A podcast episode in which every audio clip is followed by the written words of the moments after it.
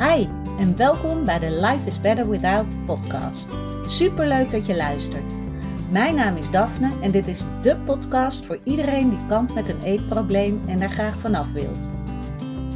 Als ervaringsdeskundige weet ik heel goed hoe het is om in jouw situatie te zitten, maar ik weet inmiddels ook hoeveel fijner het leven is zonder die eetstoornis. En dat gun ik jou ook.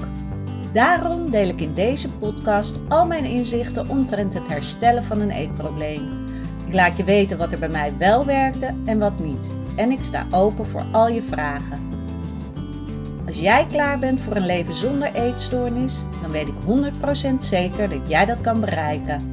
Want als ik het kan, kan jij het ook. Ja, welkom bij mijn allereerste podcast. Vind het echt super leuk dat je luistert. En ik moet zeggen, ik ben een klein beetje zenuwachtig. Want ik had nooit gedacht dat ik überhaupt ooit een podcast zou gaan maken. Maar uh, nou, hier is die dan. En de reden dat ik uh, deze podcast uh, begin, is omdat ik besloten heb dat ik heel graag vrouwen die momenteel kampen met een eetstoornis wil helpen. En dat komt niet uit de lucht vallen. Um, dat komt namelijk omdat ik zelf ruim 20 jaar heb gestruggeld met een eetstoornis.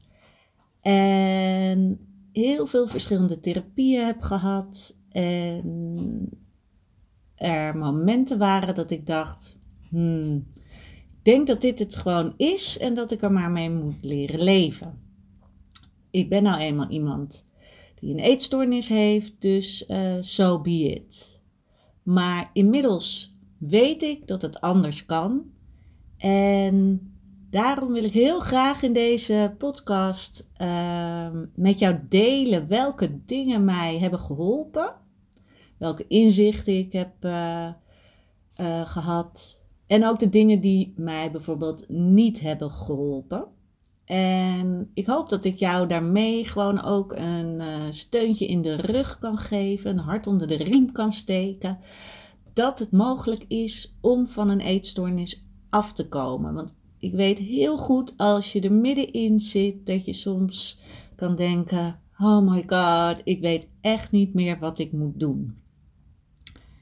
En zoals ik al zei, inmiddels uh, is mijn leven heel anders dan de tijd dat ik nog bezig was met uh, eetbuien uh, hebben, het eruit gooien, het uh, de hele tijd maar bezig zijn met, uh, oh, ik moet dit niet eten, ik mag dit niet eten, ik mag dit niet van mezelf, ik mag dat niet van mezelf. Oh, ik, moet, uh, ik heb een afspraak met iemand en dat is nou precies uh, tijdens een eetmoment en, oh, kan ik daar nog onderuit komen?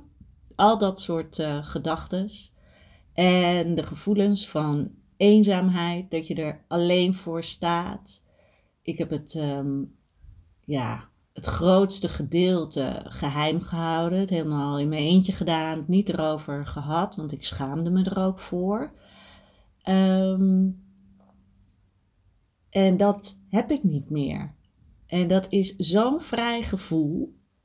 En dat is wat ik, uh, wat ik jou ook gun. En nou, zoals ik al in het intro zeg, als ik het kan, nou, dan weet ik zeker dat jij het ook kan. En um, ik hoop dus dat ik je met deze podcast ja, een beetje in de goede richting kan helpen. En daarom mag je ook altijd vragen stellen. Als je ergens niet uitkomt, uh, schroom niet, stuur me een DM. Ik, uh, ik beantwoord ze met alle liefde. En in deze allereerste podcast is het waarschijnlijk goed als ik eventjes wat meer over mezelf vertel, zodat je weet waar ik vandaan kom en waar ik naartoe ben gegaan. Nou, ik zal even beginnen bij het eind. ik ben inmiddels uh, uh, dus van mijn eetstoornis af. Ik zou kunnen zeggen zo 99,9% uh, ben ik ervan hersteld. Het uh, beheerst absoluut niet meer mijn leven. Ik eet wat ik wil. En ik kan afspreken met mensen zonder stress in mijn hoofd. Ik kook tegenwoordig, wat ik vroeger ook nooit deed. In ieder geval uh, niet met plezier. Oké, koken is niet mijn grootste hobby, dat geef ik nog steeds toe. Ik bedoel, niet alles kan veranderen, maar ik kook en ik eet met plezier. En uh, daarnaast heb ik een super lieve vriend. En geweldige, fantastische, excentrieke, grappige, lieve dochter van vijf. En ik woon in Amsterdam. En zo nu en dan zitten we in Hoenderloo op de Veluwe. Want daar hebben we een boshuisje. Dus uh, ja, dat is helemaal fantastisch. Want dan uh, zitten we heerlijk in de natuur. En ja, wat wil je nog meer? Maar voor jou is het waarschijnlijk nu interessanter om te horen waar ik vandaan kom. En ja, wanneer is het begonnen? Dat is zo'n lastige vraag, want ik denk dat je wel herkent dat je misschien niet één moment kan noemen van oké, en uh, nou, nu ga ik maar eens eventjes een eetstoornis ontwikkelen, want ik denk dat mijn leven daar echt een stuk leuker van wordt. Vaak zijn het uh, heel veel verschillende dingen die leiden tot het hebben van een eetstoornis. Omdat je niet weet hoe je met bepaalde situaties om moet gaan. Bij mij is het niet echt, uh, ja, een, een duidelijk moment geweest of een bepaald trauma. Het is eigenlijk begonnen met mijn gemoedstoestand toen ik uh, ja, een jaar of zeven was. Toen merkte ik namelijk dat ik me niet zo gelukkig voelde. En ik benoemde dat toen naar mezelf toe als um, verdrietig. Ik voelde me verdrietig, maar ik wist niet waarom of waar het vandaan kwam. En ik weet wel dat ik me al vrij vroeg vergeleek met vriendinnetjes en andere kinderen. En ik voelde me anders. En ja, langzaamaan ging ik ook steeds meer in mijn hoofd zitten. En ja, voedde ik mezelf met uh, ja, nare gedachten. De, de gedachten van ik ben niet mooi, ik ben niet lief, ik ben niet goed genoeg. Ik ben stom, dik, vet en lelijk. Ik ben uh, lastig. Ik ben egoïstisch. Allemaal die gedachten. En ja, als je dat natuurlijk maar vaak genoeg tegen jezelf zegt, dan ga je erin uh, in geloven. En dan lag ik in bed s'avonds en had ik hele discussies met mezelf over wat ik wel en niet mocht denken. En ik mocht vooral niet denken dat ik ook maar enigszins goed genoeg was. Want dat was egoïstisch. En ja, egoïstisch zijn, dat mocht dan helemaal niet. Want ja, dan uh, vond ik mezelf misschien wel de moeite waard. En dat kon natuurlijk echt niet. En als ik daar nu op terugkijk, denk ik echt: oh my god, wat heb ik mezelf aangedaan? Waar kwam dat vandaan? Waarom deed ik dat? En dat zullen allerlei kleine dingen geweest zijn die op mij indruk hebben gemaakt. Of, nou, ik weet het niet. En het doet er ook niet toe. Want dat is geweest en inmiddels weet ik dat je dat kan veranderen. Maar ja, toen zat ik er middenin en ik kwam er niet uit. Daarnaast was het ook zo uh, dat, uh, dat die uh, niet zo happy camper die ik was, een droom had om um, balletdanseres te worden. Om maar even de lat hoog te leggen. en die lat hoog leggen, dat was ook wel iets wat heel erg bij me paste. Want ik wilde ook graag altijd de beste zijn op school. Een beetje een strebertje eigenlijk. Want als ik maar uh, goed was op school, dan, ja, nou, dan, dan had ik een reden om te bestaan of te mogen bestaan. En ehm, ja, dat, die droom om ballerina te worden hielp natuurlijk ook niet echt. Want mijn lijf was daar nou niet echt voor gebouwd dat dansen zelf kon ik. Maar mijn lijf werkte niet mee in de zin van ik was niet super lenig. Ik had een te hoge rug, zoals dat dan heet, en geen voeten. Dat is dan dat je bijvoorbeeld geen hoge vreef hebt. Nou, allemaal dat soort dingen. En het resulteerde wel dat ik op mijn elfde uiteindelijk voor het eerst begon met lijnen. Want ik was ook niet de allerslangste, om het zo maar eventjes te zeggen. Mijn bijnaam eh, was Bolle. Nou daar word je natuurlijk ook niet vrolijk van als je dat de hele dag door hoort. En ehm, zo dik was ik niet. Het was natuurlijk ook een koosnaampje. Maar ja, dat maakt dan ook wel weer indruk uh, op je. Dus op mijn elfde ben ik begonnen met lijnen. En nou, dat ging eigenlijk best lekker. Ik uh, ja, kon eigenlijk tegen alles nee zeggen. En dat voelde goed. Ik hoefde er geen moeite voor te doen.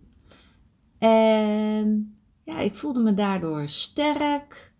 En ik kreeg natuurlijk ook uh, vaker opmerkingen van: Oh, ben je veel afgevallen? En um, nou, dat, ja, dat doet je dan toch even, even korte termijn goed, om het zo maar even te zeggen. En dat heb ik uh, lang volgehouden, dat lijnen. En ondertussen inderdaad nog steeds iedere avond uh, ja, die nare gedachtes en nare discussies met mezelf. En uiteindelijk, ik, ga, ik probeer maar even een beetje in sneltreinvaart, en dan zijn we hier uh, over een week nog uh, bezig met dit verhaal. Uh, zo rond mijn zestiende is het uiteindelijk overgegaan in bulimia. Ik denk dat dat ook is gekomen dat de boog te lang gespannen stond. Ik kon het niet meer volhouden. Ik, die discipline was killing me. Al dacht ik altijd van ik ben heel gedisciplineerd en uh, nee hoor, ik heb uh, nooit uh, stress. En ik denk, nou ja, dat dat toch uiteindelijk de druppel was. Dat ik het niet meer vol kon houden en dat ik het letterlijk tot een soort van uitbarsting liet komen. En ja, de maat was vol en ik, ja, ik had een andere uitlaatklep nodig. En ja, het was een redelijk letterlijke uitlaatklep van eetbuien die ik er vervolgens weer uit moest gooien. Ik deed dat allemaal in het geheim. En, uh, want ik woonde toen nog bij mijn ouders. En ja, dat is uiteindelijk heel lang zo doorgegaan. Uh, op mijn, ik denk 21ste dacht ik, oké, ja, nu is het uh, genoeg. Ik woon inmiddels al uh, op mezelf. En ehm, ben ik naar de huisarts gegaan en die stuurde me, verwees me door naar het RIAG. En daar ben ik in een eetstoornisgroep terechtgekomen. En nou vind ik groepen, mm, ja, niet altijd even prettig. Uh, ik vind het moeilijk om dan uh, inderdaad mijn zegje te doen. En dat was daar dus ook. En ik heb denk ik twee keer dat traject gedaan. En toen zeiden ze, nou, we denken dat uh, je het gewoon niet graag genoeg wil. En je doet niet genoeg je best. Dus ehm, ja, we kunnen niks meer voor je doen. Nou, dat was natuurlijk een beetje een harde klap. Want ik wilde wel, maar ik voelde het gewoon niet wat ze daar deden. De manier waarop zij daar ons probeerden te helpen, dat sloeg bij mij absoluut niet aan. Dus toen, uh, ja, ben ik maar weer uh, gestopt daarmee. En daarna volgden nog heel veel verschillende soorten therapieën. Ik heb muziektherapie gedaan. Ik heb uh, ja, gewone therapie gedaan. Ik heb EMDR gedaan. Ik heb intherapie gedaan. Dat was toen de tijd volgens mij uh, een van de eerste therapieën die je online kon doen. En dan hoefde je ook niet, zeg maar, uh, echt woordelijk met, of hoe zeg je dat nou, te praten met iemand rechtstreeks, maar dat deed je dan via mail en berichtjes. En dat werkte een tijd heel goed. Ik heb toen, denk ik, iets van twee, drie maanden gewoon geen eetbuien gehad. En dat was um, heerlijk. Maar ja, toen stopte het en ik viel weer terug. En ik had niet genoeg tools gekregen om, ehm, ja, om weer terug te gaan naar die uh, periode zonder eetbuien. En uiteindelijk uh, ben ik bij een therapeut terechtgekomen. En daar ben ik niet speciaal naartoe gegaan voor mijn eetstoornis. Maar ik had besloten, het is klaar. Ik wil gewoon gelukkig worden. En die keuze is wel een van de belangrijkste keuzes geweest in mijn leven. Uh, om te besluiten van oké, ik sta mezelf toe om gelukkig te worden. Ik was er zo ontzettend klaar mee dat ik dacht: oké, nu is die maat vol. Ik mag gewoon van mezelf gelukkig worden. Ik weet niet hoe, maar alleen de gedachte en het, het toegeven aan mezelf was al, um, ja, was al super fijn. En um, dus bij haar ben ik geweest. Daar heb ik, uh, ja, ik denk een jaar of zo gezeten. En um, het allerbelangrijkste wat, of een van de belangrijke dingen die zij deed toen ik bij haar kwam, was dat ze zei: Ik laat jou niet in de steek. En dat heeft zoveel indruk op mij gemaakt. Ik voelde me zo gezien. En ja, echt dat gevoel van: ik hoef het niet alleen te doen. Zij gaat mij helpen om mijn, ja, me beter te gaan voelen. En dat was echt ja, uh, heel erg fijn. En zij was sowieso een fantastisch, uh, fantastisch persoon. En ik heb heel veel van haar geleerd. En ik ben me echt serieus heel veel beter gaan voelen tijdens die therapie bij haar. Um, en een van de belangrijkste dingen die ik daar heb geleerd is eigen verantwoordelijkheid nemen. Ik ga er zeker aparte, uh, nog een keer een aparte podcast over opnemen, want dat is ook echt life-changing voor mij geweest. Dat gevoel, dat klinkt misschien een beetje negatief, alsof je uh, inderdaad uh, alles zelf maar moet oplossen en het is allemaal je eigen schuld. Maar zo zit eigen verantwoordelijkheid niet in elkaar. Het is echt een, ja, voor mij was het een enorme opluchting en maakte het leven veel makkelijker. En daarom, nou ja, ik ga inderdaad een andere podcast nog daarover opnemen. Um, nou, op een gegeven moment voelde ik me beter en toen uh, was nog steeds mijn eetprobleem er. Want daar hadden we niet aan gewerkt. Dus het was voornamelijk dat stuk mindset, maar niet de, ja, het eetprobleem. En ja, die koppeling is toch heel belangrijk als je wil herstellen van een, uh, van een eetstoornis.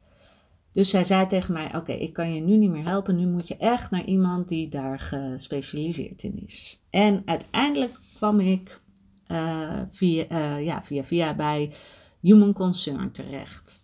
En um, ja, zij helpen vrouwen met een, uh, of vrouwen, iedereen, ook mannen, met een, die een eetstoornis hebben, de meest verschillende soorten. En daar heb ik een tijd gezeten. Zij werken ook met uh, ervaringsdeskundigen of ervaringsprofessionals, zoals ze dat zelf noemen. En dat is heel fijn, omdat je dingen niet hoeft uit te leggen.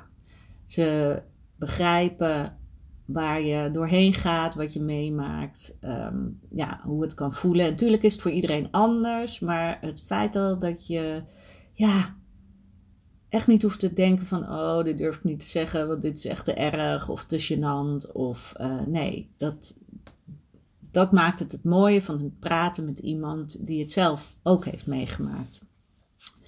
Ik heb daar een tijd gezeten. Um, ook niet, niet alles hielp, maar um, het ging wel steeds stapje voor stapje wat beter. Maar ja, nog niet snel genoeg. En uiteindelijk um, zeiden ze van we denken dat je mee moet met ons uh, beleefbehandeling traject. En dat is een traject van een maand. Volgens mij inmiddels is het zes weken. Toen was het een maand. En dat is in Portugal in een groep. Je eet met elkaar, alle eetmomenten. Je hebt de hele dag door therapieën. Je moet om zeven uur s ochtends bij het ontbijt staan. Nou, ik was sowieso niet vroeg opstaander, om het zo maar te zeggen. Dus dat was even wennen. Uh, je had geen telefoon, die moest je inleveren. En alleen op zaterdag had je een paar uur dat je je telefoon kreeg om even bijvoorbeeld je vriend te bellen of uh, vriendinnen. En um, dat was even schrikken, maar ik merkte wel dat ik uh, het heerlijk vond zonder telefoon, grappig genoeg. Um, maar ik vond het wel heftig. In een groep, de hele dag door therapieën, continu met jezelf bezig zijn. En maar ik heb daar wel heel veel uitgehaald. En er waren ook dingen waar ik achteraf over nadenk. Dat ik denk, hmm, had ik misschien anders gewild. Maar oké. Ehm, toch heeft het mij weer een hele goede zet in de goede richting gegeven. En mijn voordeel was ook nog dat ik de week voordat ik daar naartoe ging, was gaan samenwonen met mijn vriend in het huis dat we hadden gekocht. Dus na die therapie kwam ik terug in een hele andere wereld. Ik hoefde niet terug naar mijn oude wereldje waarin alles hetzelfde was, maar ik ging samenwonen met mijn vriend en daar was ik super gelukkig mee natuurlijk. En dat heeft mij ook wel geholpen dat ik ja, een nieuw leven kon beginnen en daarin ja, ook mijn nieuwe leven zonder eetstoornis mee kon nemen. Het ging niet altijd uh, meteen helemaal goed, maar het, ja, ik had ook echt die besloten, ik wil dit niet meer. En de keuze die je voor jezelf maakt, is eigenlijk altijd het allerbelangrijkste. Echt, maak voor jezelf de keus. En kom telkens terug bij die keus. En um, bekijk dan, ja, wat ga ik nu doen? Wat moet ik nu doen om te zorgen dat wat ik wil ook echt gaat gebeuren. En I know, dat is makkelijker gezegd dan gedaan, maar in, ja, in deze podcast, niet deze, maar komende podcast ga ik daar uiteraard nog heel veel meer over delen. En ja, inmiddels kan ik dus zeggen dat ik gewoon ja, een vrij leven heb. En dat is dus met vallen en opstaan gegaan. Ik kan niet zeggen van dit was het, dit is de toverpil die je moet nemen en dan komt alles weer goed. Maar er zijn zoveel dingen die jij kan doen waardoor jij meer zelfliefde voor jezelf voelt. En je jezelf meer waard vindt. En juist ook daarna, nu ik me beter ben gaan voelen, kom ik steeds meer dingen tegen dat ik denk: oeh, ja, dit helpt echt heel erg goed. Als ik dit eerder had geweten, dan uh, was, het, uh, was die weg korter geweest. En daarom is dus deze podcast. Ik wil dat heel graag gaan delen uh, in volgende podcast. Dus ik hoop dat je blijft luisteren.